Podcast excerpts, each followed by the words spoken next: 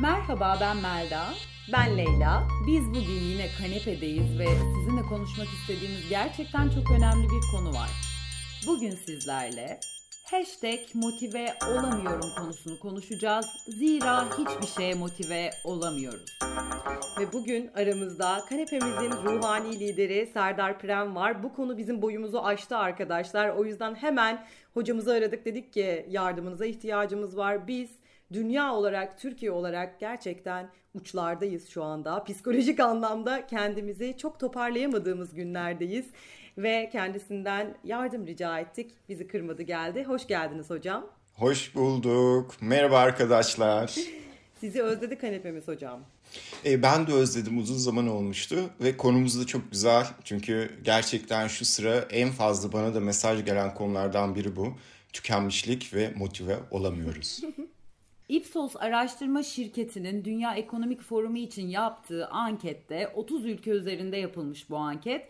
Türkiye %61 oranla koronavirüs nedeniyle akıl ve ruh sağlığının en çok bozulduğu ülke olmuş. Dünya geneli %45 mutsuzluk yaşarken Türkiye'de biz %61 mutsuzluğun tam göbeğindeyiz. Doğduğumuz yer kaderimiz midir? Öncelikle bunu konuşalım bence. İyi. Doğduğumuz yer kaderimiz ama ben şeyi merak ediyorum. Korona öncesinde yapmışlar mı böyle bir test? Kaç çıkmış acaba? Onunla ilgili şöyle bir Yine araştırma yüksek çıkmış vardı. olabilir. Çin koronavirüsün ardından eskiden olduğundan daha mutluymuş.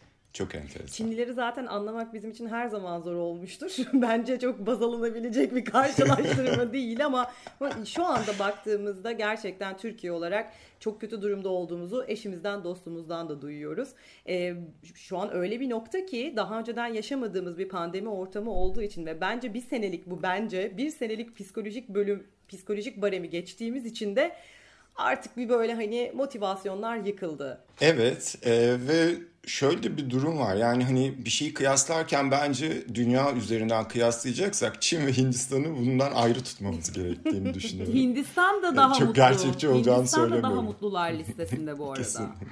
e, istiyorsanız şöyle bakalım. Hani e, motivasyonu kaybetmek ya da psikolojik olarak hani yani bu rakamlar gerçekten ciddi rakamlar ve baktığımızda da biz bunu zaten günlük hayatın içerisinde sosyal yaşam durumlarımızda da gözlemliyoruz. Hem bireysel olarak da yaşıyoruz, deneyimliyoruz bunu zaten.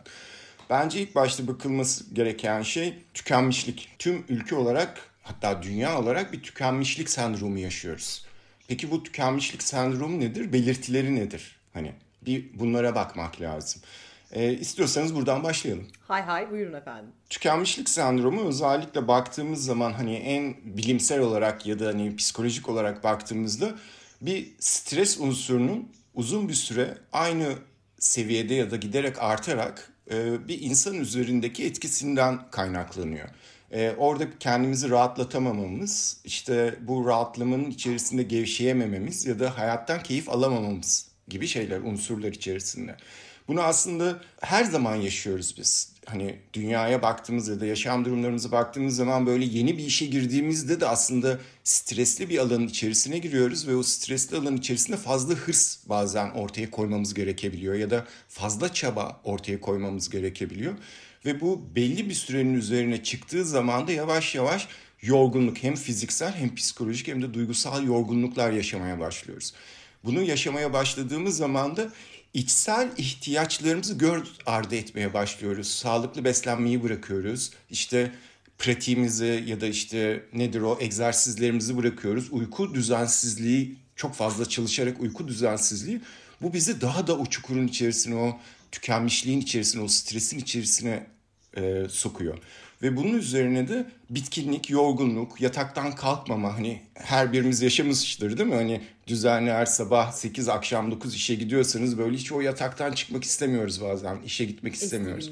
Bu aslında bize bir belirtisi.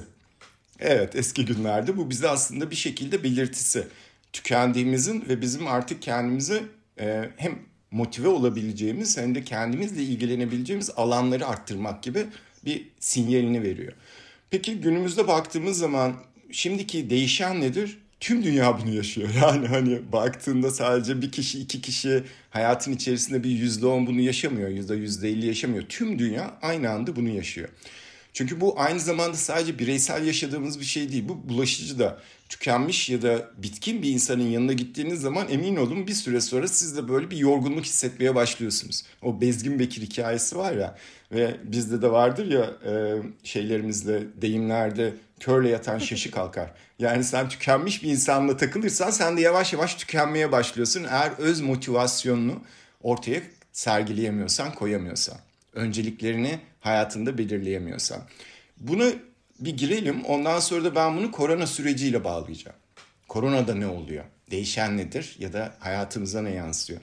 Şimdi normal hayatı baktığımız zaman bu tükenmişlik sendromu belli bir süre hayatımızda olduğu zaman yavaş yavaş fiziksel ve duygusal psikolojik yorgunluk yaratıyor ve zaman içerisinde de o anksiyeteye kadar gidebiliyor. İşte depresyon, derin depresyona kadar bizi sürükleyebiliyor bu tükenmişlik sendromu.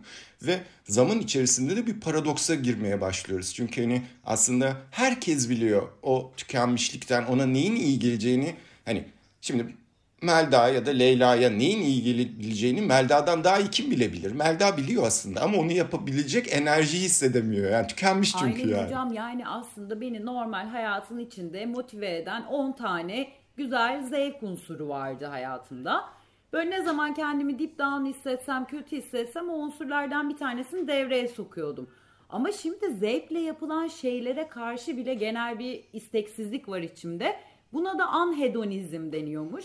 Yani hedonist hayatlarımız maalesef artık anhedonist hayatlara dönüştü. E, aslında burada da bir şey var, e, fırsat var. Yani fırsat nedir? Yeni bir dünya düzeni, yeni bir e, süreç ve yeni şeyler keşfetmemiz gerekiyor içinde bulunduğumuz alan içerisinde. Söylendiği kadar kolay değil tabii ki bu. Ama bakacağız onlara da bakacağız. Hani bu sohbet içerisinde bakalım neler olabilir onlar.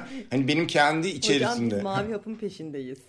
Evet. Biliyorsun. Tamam. Yani böyle vitamin eksikliğine nasıl o vitaminin suda çözünenini veriyorlar. Biz de motivasyon eksikliği için suda çözünen bir şey peşindeyiz hocam. Bize böyle direkt kitaptan okuma değil direkt şunu yap mutlu olacaksın falan yok mu bir yolu yordamı?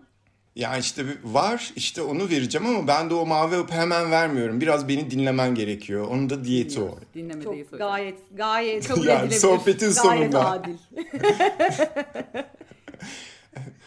Neden o hapın rengi mavi onu anlatacağım Tamam. size. yani oraya kadar ineceğiz.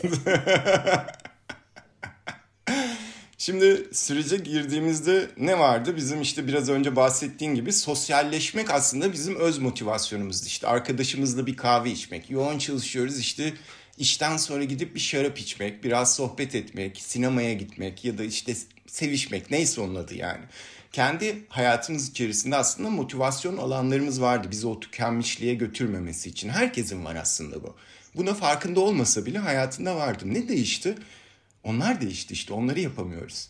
Ha biz ne yaptık? Korona dediler ki korona geldi. Hmm, bir sene bilemedim bir buçuk sene. Evet ben bunu dedi herkes dedi ki evet ben bir buçuk sene kendi kozama şey yapacağım bu süreci kendi hayatımın içerisinde geçirmeye çalışacağım. Aslında o şeydi bir süreç bu. Ben eskiye döneceğim diye bir inanç vardı. Bu, bu motive etti insanları. Onun için de ne yapabilirim? Eğitim alabilirim. İşte evde neler yaratabilirim? Zoom toplantıları bilmem neler bilmem neler. E ne oldu abi? E, bir sene geçti. Bir buçuk seneye giriyoruz. E görünen hiç öyle değil. En az bizden bir buçuk sene daha istiyorlar aynı şeyi sürdürmemizi. Ama biz artık yani buraya kadar geldi. Hani biz çünkü programlamıştık. Bir seneye programlamıştık kendimizi. Bir buçuk sene sonra her şey eskiye dönecek. Çünkü onlar da alışkanlıklarım benim. Öz motiva kendimi motive edebildiğim, yaşamdan keyif alabildiğim alışkanlıklarım. E şimdi şeyle yüzleşiyoruz. Arkadaşım galiba öyle değil. Galiba daha da uzun sürecek bu. Ve o bir daha da tükenmişlik ve motivasyonumuzu kırıyor bizim hayata karşı ve yaşama karşı. Bu şey gibi hani umut fakirin ekmeğidir hikayesi var ya bir umudumuz vardı bizim. Yani bir sene bir buçuk sene sonra tekrar. Hatta öyle güzel bir şey oldu ki yaz döneminde bizim tekrar böyle ağzımıza bal mola çaldılar verdik. ona. Pandemi Sonra bir baktık oldu. Bir güzel mola verdik. evet. Ama bu işte öyle e, öngörüler var ki bu yaz geçtiğimiz yaz gibi olmayacak. Şöyle kapınacağız, böyle kapınacağız. Zaten motive değilken iyice e, yerin dibine düşüyor gibiyiz. Çünkü neydi? Aslında biz sürece adapte oluyoruz. Bu bir adaptasyon süreci. Biliyorsunuz hani adaptasyon nedir? Bir evrim sürecidir. Biz bir adaptasyonla evrim geçiriyoruz yeni dünyaya ya da yeni sürece. Peki bu adaptasyon süreci her zaman sancılı olur. Çünkü biz zannediyorduk ki 2020 en kötü sürecini yaşıyoruz. Ama şimdi bir geldik 2021 daha da kötü oldu. Ve korkmaya da başlıyoruz. 2022 hani soru işareti ya da 2021'in sonu ama bunun yanında da bir de ekonomik alışkanlıklarımız var. Sosyokültürel ve ekonomik. E, abi onlar da gidiyor. E, Türkiye'nin mutsuzluğunun diğer ülkelerden en büyük kaynağının en önemli nedeni biz bir yandan da çok fakirleşiyoruz. Kesinlikle. Hani tamam birçok ülkede belki baktığın zaman Türkiye yüzde 61'dir ama ekonomi chartını çıkardıkları zaman aynı eğrinin yine şunu göreceklerdir. O Türkiye yine birinci sıralardadır orada yani. Aslında bir de bu hikaye var. Çünkü bir buçuk sene önceki cebimizdeki para şu anda yüzde yetmiş azaldı. Değer yitirdi yani. Ve o da benim gelecekle olan umudumu da yitirtti. Eskiden umudum vardı. Şimdi o adamların umudu var. Çin niye mutlu? Umudu var. Çünkü o Çin'deki korona ilk orada başladığında en büyük darbeyi aldılar ama bir şey olmadı abi. Daha da hızlı bir şekilde Aşı, büyümeye devam ediyorlar hem ekonomik olarak. Pandemi malzemeleri, evet. korunma malzemeleri, ilaçlar, şunlar bunlar. Evet. Çin ekonomisine ve bir yandan da gerçekten bunu en hızlı bitiren ülkelerden biri olduğu için de özgüven kazandı.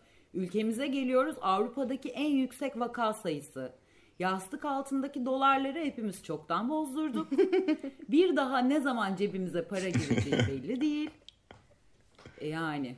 Biz Aynen. ne yapalım? Haklıyız biraz da. Tabii şimdi insanların bak insanların hayat motivasyonları, çalışma motivasyonları vardır. Nedir bu çalışma motivasyonları? Bazılarınınki daha iyi kaliteli bir araba almak. Bazıları ev almak için çalışır. Bazıları tatil yapmak için çalışır. Hani bir şeyler vardır. Gelecekle ilgili bir planları vardır. Yoksa onlar olmadığı zaman insan niye parayı kazanmak için çalışır ki? Hani ya da daha üst şey ihtiyaçlarını gidermek için ve konfor alanlarını genişletmek için. Şimdi bakıyoruz bir buçuk yıl önce benim konfor alanıma ya da işte ihtiyacımı işte daha lüks araba ya da lüksü boş ver bir araba da olabilir mi? Buna ulaşmam için 90 bin liraya ihtiyacım vardı.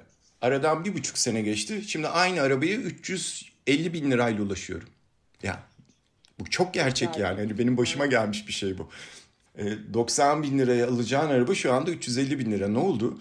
Sen o hani gelecekle ilgili şeyin şimdiden ne kadar uzaklaşırsa gerginlik enerjisi de o kadar artar. Bütün hikaye budur yani.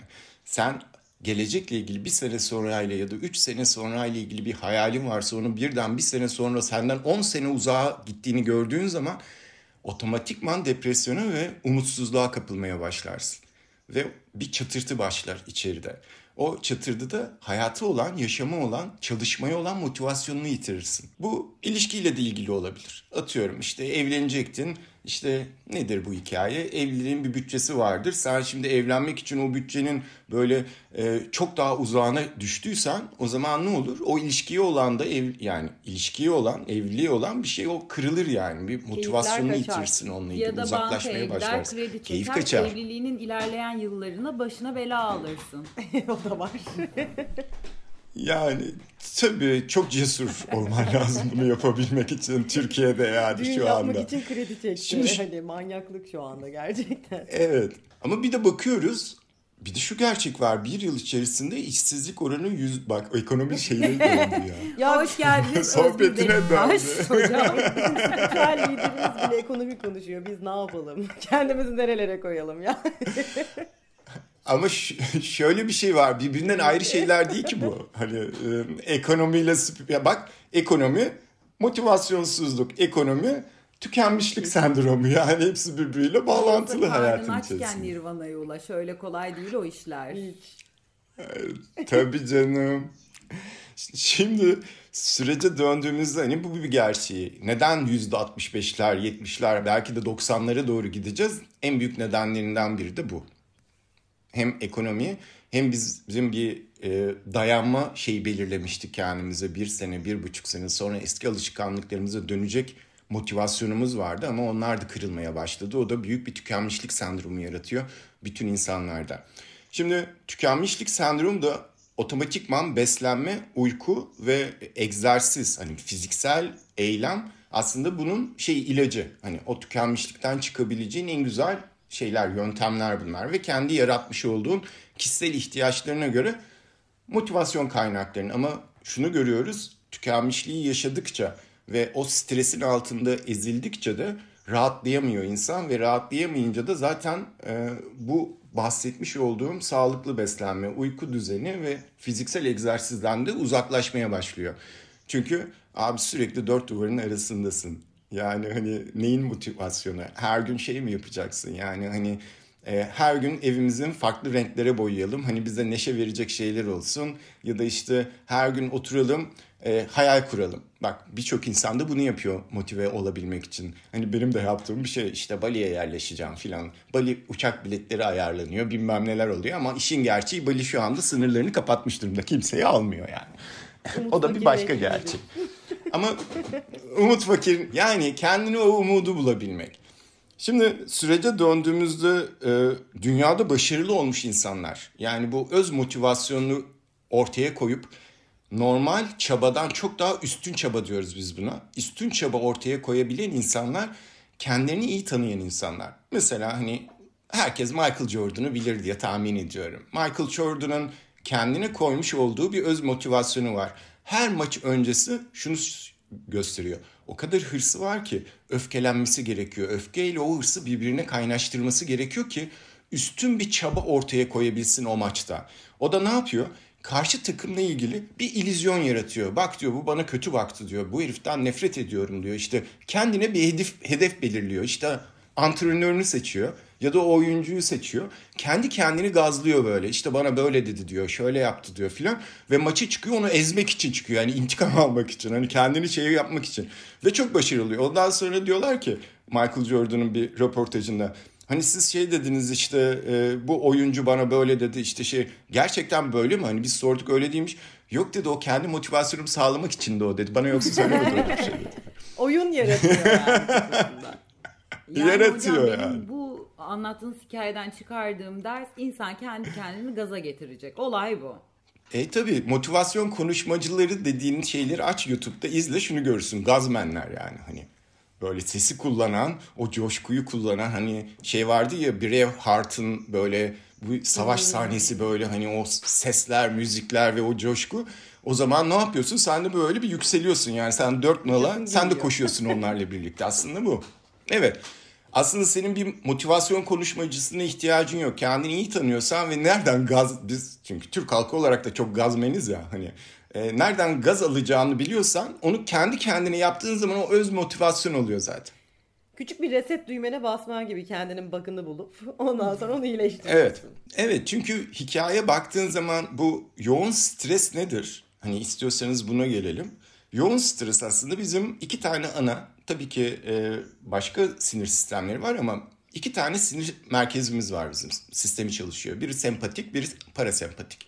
Sempatik demek çok fazla strese maruz, çok fazla adrenalin salgıladığın ve sürekli o hareket ettiği zaman, sürekli bir sinir sistemi çalıştığı zaman bu gerginlik, endişe, stres, kaygı, korku bunların hepsi onu aktive ediyor. Ve sempatiktesin sen. Sürekli sempatik sinir sistemin aktive olduğu zaman da çok fazla stres kaynağı yaratıyor. Hem kaslarda hem bedeninde, organlarda hem de beyninde yaratıyor. Bu sefer de o fazla streste seni otomatikman dengeni bozuyor ve yavaş yavaş depresyona doğru, tükenmişliğe, yorgunluğa doğru gidiyorsun. Aslında parasempatiyi devreye sokman gerekiyor. Yani bir dinge, dinginleşmen, dinlenmen ve gevşemen gerekiyor ki hayatın içerisinde. Ama biz sürekli çok fazla sempatik yüklendiğimiz için bunun nedenleri nedir? Gelin bakalım. Korona ile ilgili etrafta duyduğunuz kötü haberler, televizyon, bilmem ne bilmem ne şu kadar kişi öldü bunlar oldu bunu yapamazsın şunu şöyle yaparsın ekonomik kriz mahvolacağız öleceğiz bilmem ne olacak. Bunlar sürekli senin sempatik sistemini yüklüyor. Sürekli aktif oluyorsun. Fight and flight'tasın sen sürekli yani. Sürekli tedirgin, sürekli endişe ve sürekli aktifsin yani. Bu sürekli olduğu zaman da beyin kimyaların da bozuluyor. Yani dengen de bozuluyor. Duygusal yorgunluk yaşamaya başlıyorsun. Psikolojik yorgunluk yaşamaya başlıyorsun. Bu da seni tükenmişlik ve motivasyonsuzluğa doğru sürüklüyor. Bizim burada yapmamız gereken şey aslında çok basit. Günü kurtarmak. Hani her zaman dediğim. Sadece bugün var. Ne geçmiş var ne gelecek var. Sadece bugün var. Bugünü nasıl kurtarabilirim? Abi o sempatiyi biraz durdurup parasempatiyi aktive etmemiz lazım. Bu gevşetmek. Sıcak bir banyo sağlıklı beslenme. Bu illa dışarıda spor yapman, bir spor salonuna gidip beden egzersizi yapman gerekmiyor. İşte evde de yapabiliyorsunuz bunu. Bunun da örnekleri var. Bu aynı zamanda sistemi de aktive ediyor. Bedenin ihtiyacı var. Beden böyle dinleniyor aynı zamanda baktığında. Hem de duyguların hem de psikolojinin. Sağlıklı beslenme, omega 3, işte vitaminli alma, ceviz ye hani gibi gibi. Çünkü yediğimiz dışarıdan almış olduğumuz şeyler de stres giderici ve stres azaltıcı olabiliyor. Yani sağlıklı beslenme burada önemli. Ama biz baktığımız zaman ne kadar çok tükenmişlik ve depresyon yaşıyorsak sistem bozuluyor. Çok yeme alışkanlığı oluşmaya başlıyor. Çok uyuma, bezginlik ya da tembellik gibi e, ya da düzensiz uyku. Bütün gece ayaktasın, sabah güneşle birlikte uyuyorsun. Bilmem çünkü o denge de bozuldu. Kimsenin sana karşı bir şeyi yok. Bu saatte geleceğim, bu saatte gideceğim gibi gibi. Bir sürü hikayesi var yani. E ne oluyor? Evin dağınık, kirli olması hani hiç yapacak şeyin yok ama aynı zamanda o sana da bir stres yaratıyor. Evi toplama stresi ya da temiz olma stresi, düzenli olma stresi. Aslında öyle bir enteresan bir şey ki ben ona tükenmişlik sendromunun paradoksu diyorum. Sen tükendikçe daha da tükeneceğin şartları yaratmaya başlıyorsun.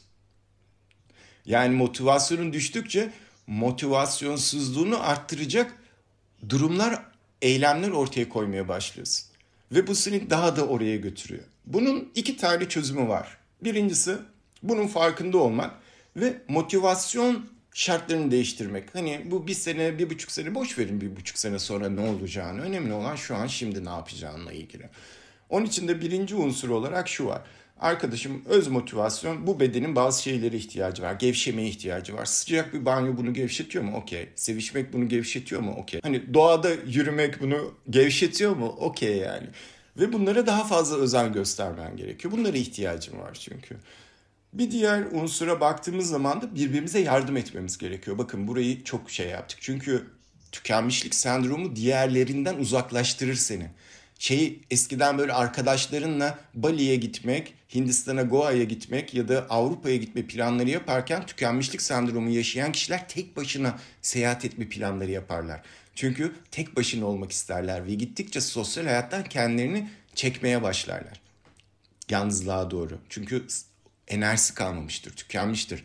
Çünkü tükendikçe de diğerlerini suçlamaya başlarsın. İşte patronum bana bunu yaptığı için, korona böyle olduğu için bu benim başıma geliyor.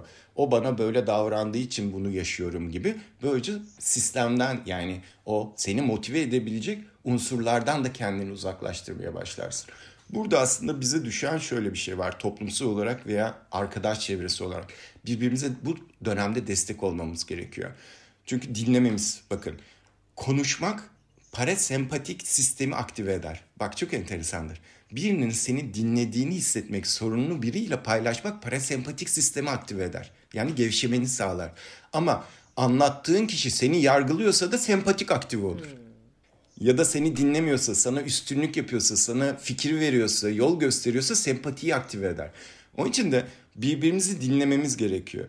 Yani birbirimizi dinlemek derken de biz hep şey diyoruz kalpten dinlemek. Yani yargılamadan, eleştirmeden, anlamaya çalışarak, empati kurmaya çalışarak birbirini dinlemek. Ya bu dinleme olayı gerçekten çok enteresan çünkü hakikaten etrafımızda hemen hemen herkes bu tükenmişlik e, sendromuna yavaş yavaş kendini kaptırdığı noktada hakikaten kimsenin kimseyi doğru düzgün dinleyecek de bir motivasyonu kalmadı. Hani ben şunu gözlemliyorum. Kendimle ilgili bir şey anlattığımda daha çok hani e, cümlen yarıda kesilip o kendiyle ilgili bir şey anlatıyor. Yani herkesin tek derdi o an artık kendini anlatmak. Çünkü hakikaten herkes çok çaresiz. Bunu da görebiliyorum.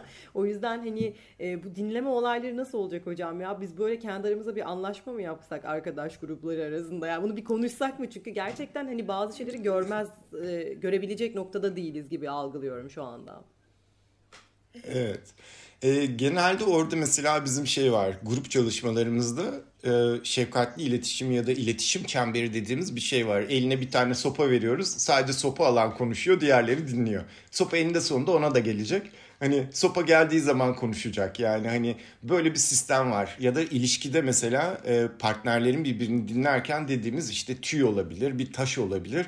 Hani mikrofon diyoruz biz ona. Mikrofon elindeki konuşuyor, diğeri dinliyor sadece. Hani böyle bir sistem oluşabilir. Mikrofon elimdeyken konuşurum, sen dinleyeceksin Güzel, abi. Evet. Ha, söyleyeceğim bir şey varsa da mikrofon sana geldiği zaman din konuşursun yani. Denedik geçtiğimiz haftalarda hatırlar mısın Melda'cığım? Arkadaşlarımızla. Evet denedik. Hiç işe yaramadı. Bu bizim sürekli aramızda bir konu zaten. Dinledin dinlemedin dinledi dinlemiyorsun dinliyoruz. Dinle. ben senin ne diyeceğini zaten bildiğim için dinlemedim.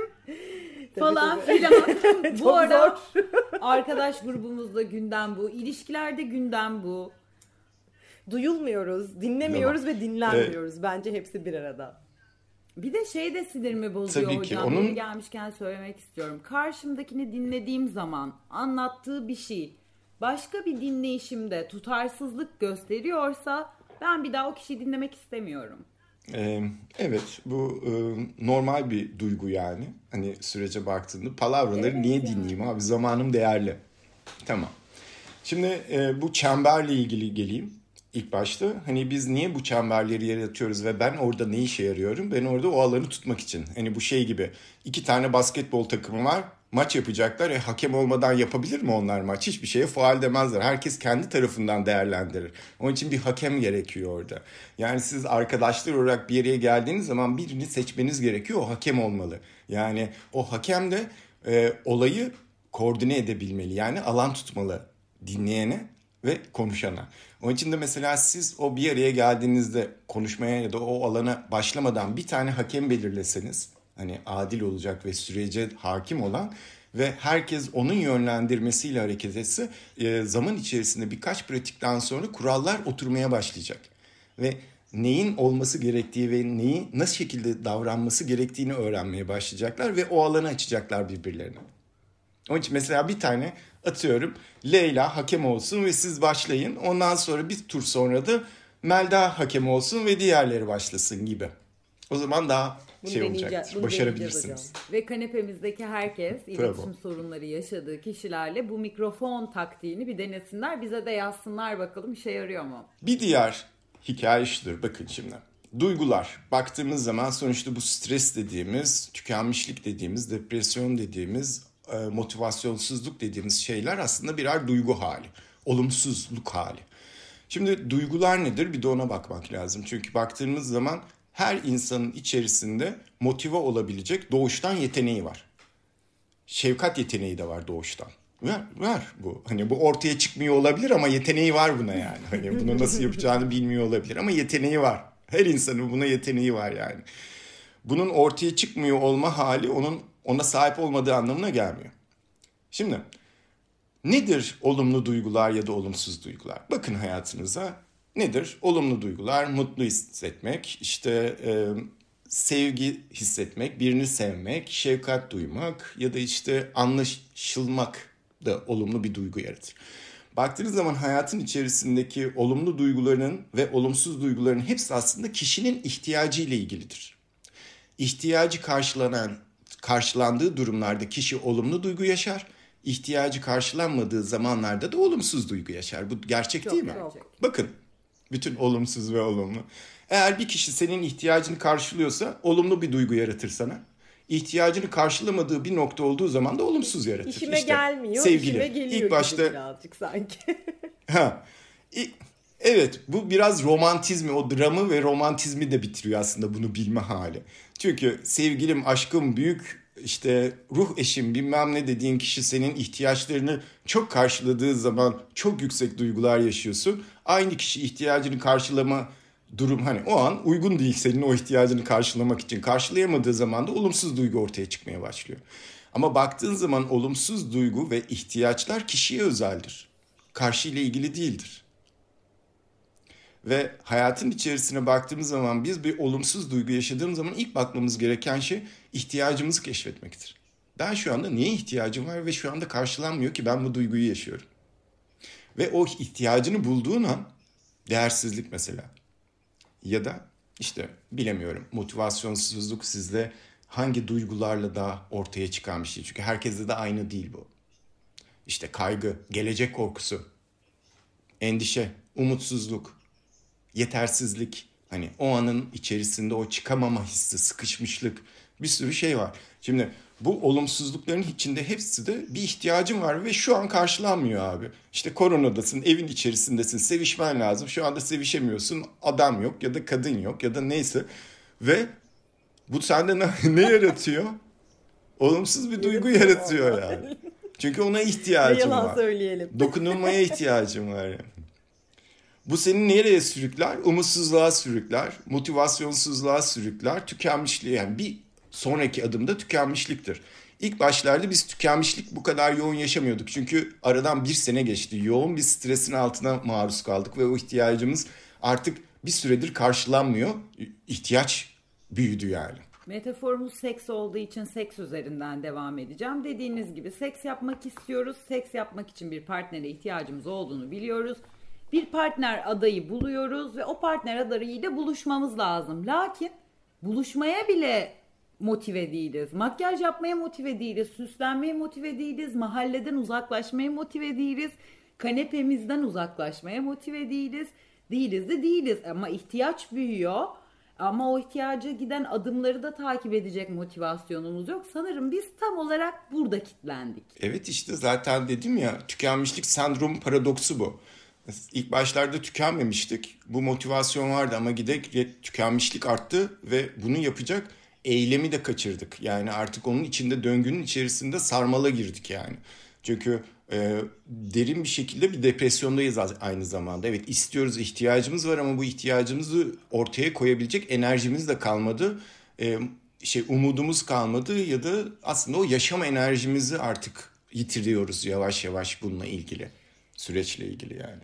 Yani bıkkınlık ve yorgunluk başladı. Hocam şimdi 2021 e, yılının ana baskın duygusu olarak e, verilmiş aslında New York Times tarafından ve ismine de languishing deniliyor. Languishing bir terim ve bu terim aslında Türkçe karşılığı isteksiz olmak, hali kalmamak, böyle hali kalmamış hissi ve ruhsuzluk gibi yani boş ve anlamsız hissetmeye tekabül ediyor. Biz bunu geçtiğimiz bölümümüzde Post-Truth'ta konuşmuştuk zaten. Bu tamamıyla zaten sizin de söylediğiniz gibi gibi doğru bilgiye ulaşamamaktan, kirli ve çok bilgiden gene kaynaklanan ama genel olarak bu languishing dedikleri olayın biraz böyle hani major bir depresyon gibi değil de full kapasite e, hayata devam edememek e, gibi bir durum olduğunu söylüyor. Semptomu maalesef yok ve çok bulaşıcı. Bu languishing olayının önümüzdeki 10 sene içerisinde insanları ciddi anksiyetelere ve e, ruh sağlığı bozukluklarına götüreceğini söylüyorlar. Ya yani bunlar daha başlangıç. hani biz o yüzden bunu çözdük çözdük bu ara. Çünkü tabii ki görebiliyoruz, öngörebiliyoruz etrafımızdan ama e, işi gideceği yer pek e, güzel görünmüyor. Zaten günümüz ilişkilerinde bizim hep Melda ile konuştuğumuz 21. yüzyılın kalan birkaç romantiği olarak biz özellikle ruh sağlığı bozuk bir toplumda e, aşk yaşamaya çalışırken çok zorlanıyoruz. Bir de bu kısmı var. Yani o zaman bizim beklentilerimizi tamamen değiştirip yeni olay budur. Biz hayatı kara kuru yaşayalım gibi mi düşünmeliyiz? Hayır hayır yani e, evet sistem seni normlar seni oraya itiyor olabilir ama e, normların dışına çıkmak zaten buradaki sınav ya yani onu kaybetmemek zaten bu süreç tamamlandığı zaman normlarının dışına çıkabilenler yani e, bir fark yaratacaklar. Hem kendi hayatlarında hem de etraflarında. Şimdi e, şöyle baktığın zaman hayatta geriye dönüp isimlerini hatırladığın insanlar o zamanki dünya yaşam normlarının dışında daha yüksek bir çaba ya da daha yüksek bir farkındalıkla hayatına devam edebildikleri için onların isimlerini tanıyoruz. Yoksa hani sürü psikolojisiyle sürecin içerisinde yok olur gideriz.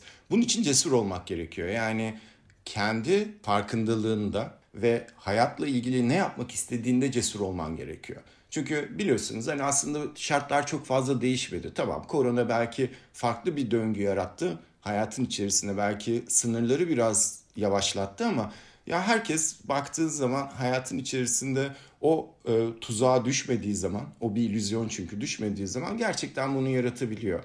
Yani tamam belki İstanbul'da, büyük şehirlerde betonlar içerisine sıkışmış insanlar için bu biraz daha sıkıntılı, biraz daha zor olabiliyor. Hani e, ama hayata baktığın zaman orada bile işte Beşiktaş'ta bilmem ne modada park var gidiyorsun ya da sokakta yürüyorsun bir şey yapıyorsun. Yine hayatın içerisinde bir şekilde şey yapabiliyorsun. Dokunabiliyorsun hayata. Ama şöyle bir şey var ya bir şey de kabullenmemiz gerekiyor. Abi artık eskisi gibi olmayacak. Yani buna ne kadar direnirsek süreç bizim için daha acılı ve ızdıraplı oluyor. Evet. Çünkü hala eski hayatını isteyen insanlar var. Dostum olmayacak. Evet. Yani bunu artık anın gerçeğine direndiğimiz için bu kadar da şey acı çekiyoruz. ızdırap ya da o motivasyonsuzluk ya da aslında gerçek şey olmayacak abi. Hadi yani hani bir yeni bir ben, yeni bir yaşam, yeni bir yaşam nefesi ya da forma, yeni düzene hızlı bir şekilde adapte olmak, direndiğimiz sürece, eski istediğimiz sürece acı çekmeye devam edeceğiz yani. Yani artık eski hayatlarımızla vedalaşma zamanı. Hoşça kal. Evet, Hoşça evet, kal 4000 evet. kişilik Büyük Ev Abluka'da konserleri. Hoşça kal dünya starları, dünya seyahatleri. Bu mudur hocam? Yani Evet bir daha festivale gidemeyecek miyiz? Şu- Bilmiyorum ki ama ne önemi var ki şu an gidemiyoruz. Önemli olan o. Ya bunun hayalini kurup ve her gelen olumsuz haberde o hayal bizden uzaklaştıkça daha fazla acı çekiyoruz. Tükeniyoruz çünkü hani sürekli bir geleceğe atıyoruz sürekli bugünü. Elimizde ne varsa biz bunu Abi şu an şu an yok. Hani şu an 40 binlik o konser yok abi. Şu anın gerçeği bu. Yok abi yok yani. Hani istersen böyle Süperman ol. Süpermen'e de yok yani. Hani yok. Neyse Süpermen'e de yok demem Şimdi beni rahatlattı. iliş- Bu benim için artık öğrenilmiş bir çaresizliktir. Konser olmuyor. Onu öğren ve o çaresizliği kabul et. Ama aslında motivasyon düşüklüğünün en büyük sebeplerinden biri de öğrenilmiş çaresizlik değil midir hocam? Kesinlikle öyle. Ama bu bir öğrenilmiş çaresizlik mi? Bir de öyle bir hikaye var. Sen şöyle de yapabilirsin. Dünyada bundan sonra 40 bin kişilik konserler hiç olmayacak ve senden sonra gelen jenerasyonlar zaten o 40 binlik konserleri hayatları boyunca izleyemeyecekler. Sadece YouTube'da bir anı olarak kalacak. O adam hiç onu deneyimleyemeyecek ama sen deneyimledin dostum. Yani sen o 40 binden bir taneydin. Bu şey gibi. Ya biz çocukluğumuzda işte sokakta oynayabiliyorduk. Konsere İşte bilmem, bilmem ne bilmem ne. Yani hani sürece baktığında benim çocukluğumda benden sonraki jenerasyonun yapamadığı bir sürü şey var. Ve dönüp baktığımda ya ne kadar güzelmiş. Ne kadar şanssız şimdiki çocuklar sitelerde işte dışarı çıkıp oynayamıyorlar. Hiç arkadaşları yok gibi gibi bir sürü hikayeler anlatmıyor muyuz? İşte sen de o konserleri anlatacaksın yani hani hikaye baktığımızda. Tabii ki ileride korona sürecinde belki böyle olmayabilir. Ama farz et böyle. Bundan sonra bitti, hep böyle olacak. ve buna göre yaşayalım. Ama bu da kötü. Buna göre yaşa. Şu anın gerçeği bu çünkü. Buna göre yaşayacaksın yani. Ekmeğini isteyen taştan çıkarıyor. Biz bunu da gördük. Bu takım insanlar var etrafta.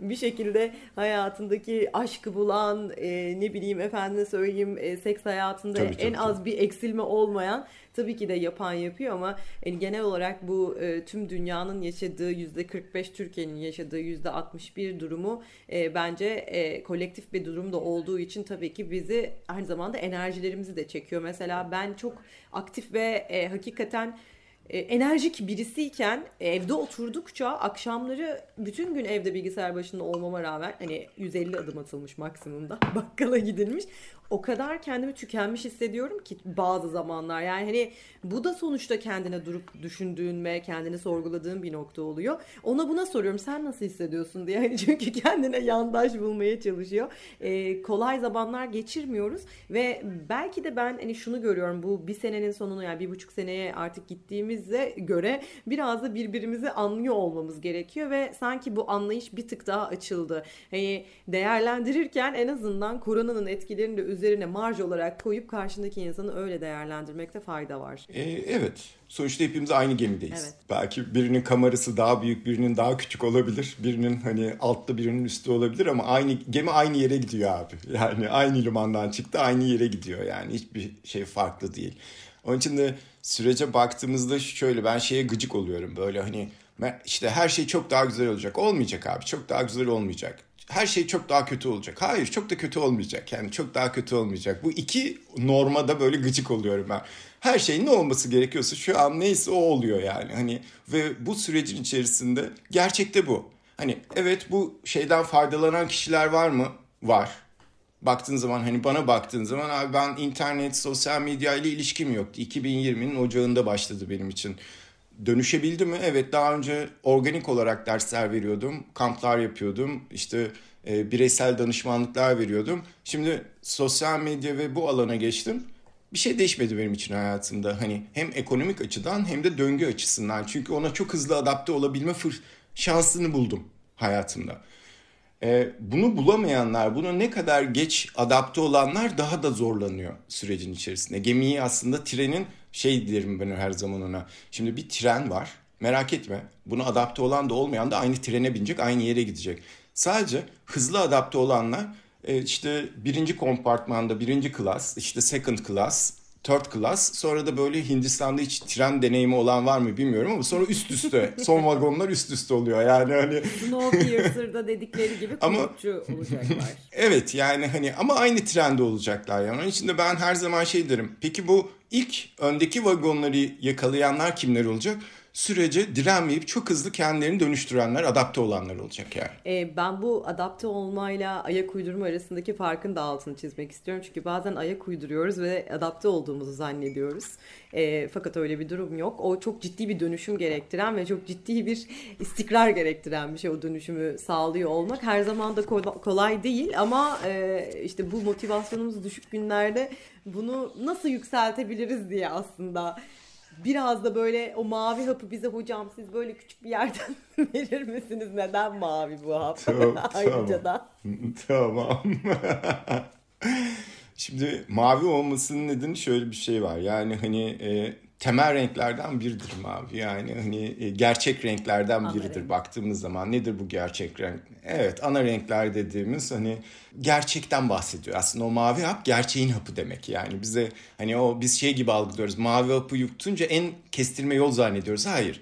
O mavi hapın altında yatan şey gerçek olan hap. Diğerleri işte kırmızıları var, bilmem neler, turuncusu var lilası var. Hani mavi olması nedir? Gerçek olması. Şimdi sürece baktığımızda gerçeği nedir? Şöyle bir gerçek var. Hani oturup kendimize bir nefes almamız gerekiyor ve çalışmamız gerekiyor. Çok zor bir şey değil. Atır alacaksın kalemini eline. Bir tane kağıt alacaksın. Kendiyle çalışmak çok zor bir şey değil. Arkadaşım ben şu anda ne yapıyorum?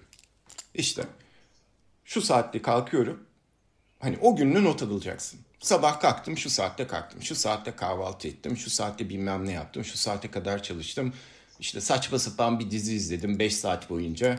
İşte işte bilmiyorum saçma sapan bir komedi ihtiyacım vardı. Gülmeye ihtiyacım vardı. Bir komedi programını açtım YouTube'da. Normalde bir bölüm izlerken bir baktım 15 bölüm izlemişim. Hani böyle şeylerle de karşılaşıyoruz maalesef şimdi pandemi sürecinde yani. Arkadaşım bir bölüm yetiyor. Niye 15 bölüm izliyorsun? Öyle kalıyoruz orada hani. Uyuşturuyoruz kendimizi sürecin içerisinde. Böyle arka arkaya Godfather'ın 3 bölümünü izleyenler 9 saat boyunca filan serileri yapanlar var. Şimdi merak etme sen orada oradan faydalanıyorsun. O anı kurtarıyorsun ama o 9 saat boyunca ekrana baktığın yüzünden onun çilesini çekeceksin sen ertesi gün ya da baş ağrısıyla ya da başka bir şeyle. Şimdi sürece baktığımızda bu gerçeğin şeyi nedir? Sabahtan akşama kadar ne yaptığını yazacaksın. İkinci günde yazacaksın. Başka bir şey yapmanı istemiyorum. Üçüncü günde yaz. Dört yaz. Beş yaz. Beş gün yeterlidir bir datayı ortaya koyabilmen için. Sonra al karşısına bak. Düzenli bir uyku düzenin var mı? Düzenli beslenemiyorsun. O beş gün içerisinde yaptığı şeyler ihtiyaçlarını gidermiş mi? Yani ihtiyaçlarına göre mi eylemde bulunmuşsun? Büyük olasılıkla şunu göreceksin. İhtiyaçlarını giderebilecek hiçbir eylemde bulunmadığını göreceksin bu beş gün içerisinde. Ne kadar çok boşa zaman Sonra harcadığını göreceksin. Yüzleşme. o an. İşte bu o kağıtta yazdığım beş gün senin uyum sağlaman. Adapte olman da onu ihtiyacına göre değiştirme hali. Sen alıp o programını ihtiyacına göre olan nedir benim ihtiyacım? Düzenli bir uyku. Ona çektiğin zaman işte sağlıklı beslenmek. Beslenme düzenini ona çektiğin zaman ya da işte evet abi bir gün böyle çılgın komik bir şey izlemek istiyorum ama bir saat. Buna ihtiyacım var çünkü. Duygusal bir şey de izlemek istiyorum. Bu da bir saat. Arkadaşlarımla iletişim, gerçek iletişim kurmaya ihtiyacım var. O zaman her gün bir yarım saat bir Zoom sohbeti ya da işte birebir telefon Neyse ailemle 15-20 dakika evet buna ihtiyacım var. Sevildiğimi hissetmeye ya da değerli olduğumu kim bana değerli hissettirir? Onları yazacaksın. Benim neye ihtiyacım var bir hafta boyunca? Bir, değerli hissetmeye ihtiyacım oluyor. İki, gülmeye ihtiyacım oluyor. Sevişmeye ihtiyacım var. Tamam bunları yazdın. Kim bana değerli hissettirir? Bana en çok hayatımda değerli hissettiren annem bana değerli hissettirir mi? Hayır. Babam hayır. Ha. Melda bana değerli hissettiriyor. O zaman ben Melda'yı arayacağım. Değerli hissetmeye ihtiyacım var. ve arayacaksın. Yarım saat konuşacaksın. Değerli hissettim ve senin de birini değerli hissettirmeye ihtiyacın var. Bu sefer de o kişiyi arayacaksın ve aynı Melda'dan aldığın o değeri o kişiye aktaracaksın. Ve onun için hayatında niye değerli olduğunu hatırlatacaksın ona yani. Merak etme bu zincirleme dediğimiz bir reaksiyon. Ve bu insanları da yansımaya başlayacak. Sonra sevişmeye ihtiyacım var. Bunun için neye ihtiyacım var? Bir partnere mi ihtiyacım var? Partnerim var mı? Yok. Ama bu sevişmene engel bir şey değil ki. Biz mesela cinsel farkındalık eğitiminde ilk başta inner tantra diyoruz. İnsanın kendi çünkü insan kendiyle nasıl sevişeceğini öğrenmeden başkasıyla da sevişemiyor gerçek anlamda. Kendinle sevişebileceğin bir sürü yöntem var. O zaman partnerim var mı? Yok. Kendimle sevişebilir miyim? Evet. O zaman yarım saat bugün kendimle sevişeceğim. Bu illa bir tane vibratörle ya da işte e, porno filmi açıp bundan bahsetmiyorum. Mastürbasyon yapmaktan bahsetmiyorum. Erojen bölgelerini keşfetmekten, bedenine dokunmaktan bahsediyoruz biz burada yani. Duyularını aktive etmekten bahsediyoruz. Çünkü bedeninin buna da ihtiyacı var. Duyularının aktive olmasına ihtiyacı var ki hormonların daha sağlıklı çalışsın. Evet bunu da yani ihtiyaçlarını çıkardığında ve o beş gün içerisinde çok fazla değil. O ihtiyaçlarını karşılayabileceğin eylemleri şey yaptığında adapte olmaya başlıyorsun. Ve o zaman da otomatikman o tükenmişlik hissi olumsuz duygular hayatında pozitif olarak yansımaya başlıyor. Mavi hap bu üzgünüm. Yapabiliyorsan harika, yapamıyorsan... Evet, bugünden itibaren kanepemizdeki bütün motivasyon eksikliği çeken herkese sesleniyoruz. Kağıt kalemler hazırsa önümüzdeki 5 gün zamanımızı ne kadar boş harcadığımızı yazacağız. ve daha sonra neye ihtiyacımız olduğunu çıkaracağız ve aksiyon planımızı yapıp harekete geçeceğiz. Evet. Çünkü aslında bu ihtiyaçların çok basic'tir. Senin 10 yıl önce ya da 5 yıl önce ihtiyaç duyduğun şeyler e, bugün de aslında aynı. Çünkü ihtiyaçlarımızı belirleyen şey tabii ki günlerin içerisindeki onlar değişkenlik gösterebiliyor ama temel bazı doğum ihtiyaçlarımız var. İşte çocukluktan yaşadığımız travmalardan kaynaklanan işte değerli olma ihtiyacı aslında karşımızla ilgili değildir. İhtiyaçlarımız bizle ilgilidir. Ve aslında bizi o motivasyonları, umutsuzlukları en çok çeken şeyler bu doğumdan en çok ihtiyacımız olan o doğum ihtiyaçlarından kaynaklanır. Yani doğum ihtiyacı bahsettiğim hani annenden doğarken ki ihtiyaçtan bahsetmiyoruz burada. Var olursa. Yani o çocukluğunda evet hani dedik ya e, doğduğun topraklar Kaderindir. işte kaderin midir, coğrafyan kaderin midir? Evet o aile bir şekilde kaderin çünkü bunları belirliyor. Çocukluğun kaderin bunları belirliyor. E, o da çok nettir zaten. Ama şunu da unutmamak lazım. Herkesin ihtiyacı var. Herkesin bir şeylere ihtiyacı var. Ve biri de olumsuz duygu yarattığın zaman da o ihtiyacını karşılamadığın için yaratıyorsun onu yani. Güzel bir e, bakış açısı ve Bütün aydınlanma yani. oldu e, bizim tarafımızda. Biz gene Melda ile beraber e, seni dinlerken şöyle uzaklara gittik. Hocam bir de şöyle bir derdim var benim. Ben artık saat 9.30'da uyuyorum akşamları. Sabah 5.30'da kalkıyorum. Anneannem gibi bir şey oldum. Evet hocam biraz sıkıcı oldu e, bu bunun Bir şey ne tür, yapalım buna ya. E, ne tür sorunlar yansıyor bu yüzden? Bu alışkanlıktan dolayı hayatına? Ben çok sabah 5'te kalktığımda telefonumun çalmasına en az 4 Bence saat de. var. Yapmak zorunda olduğum hiçbir şey olmayan 4 saat yeryüzünde herkes uyurken o tek başınalık hissi beni çok mutlu ediyor. Lakin akşam 9'da uyumak biraz üzücü. Kendimi yaşlı hissediyorum. Şimdi birinci hikaye şu. Bence e, hisseden kim? Onu yaşlı hisseden kim? Bence akşam 9'da uyuyup sabah 5'te kalkan yaşlı hissetmiyor. Orada başka bir hikaye. Arkadaşların tavuk Sadece oraya, diyor. Zihnin Arkadaşların oraya... babaanne diyor. Sen de yaşlı hissediyorsun. Şimdi şöyle bir şey var. Yani hayatın içerisine baktığın zaman hadi akşam 9 ile sabah 5 arasında ayakta olan insanlar nasıl bir verim ortaya koyabiliyorlar? Ortada o arkadaşlarından bahsediyorum. Akşam 9'da sabah 5'e 5'te yatanlar var çünkü 4'te 3'te filan. Şöyle bir hikaye var. İnsanlar hani beynin böyle bir fonksiyonu var. Gündüz, güneş ve gece ile ilgili bir fonksiyon var. Özellikle gece belli bir süreden sonra odaklanma sorunu yaşarız. Ve onun için de bir şeye odaklanamayız ya da konsantre olamayız. bir iş çıkartamayız. Hiçbir zaman Einstein ya da işte buluşçular ya da işte bir şeyleri bulan adamların hiçbir zaman gecenin üçünde dördünde bulmamışlar bunu.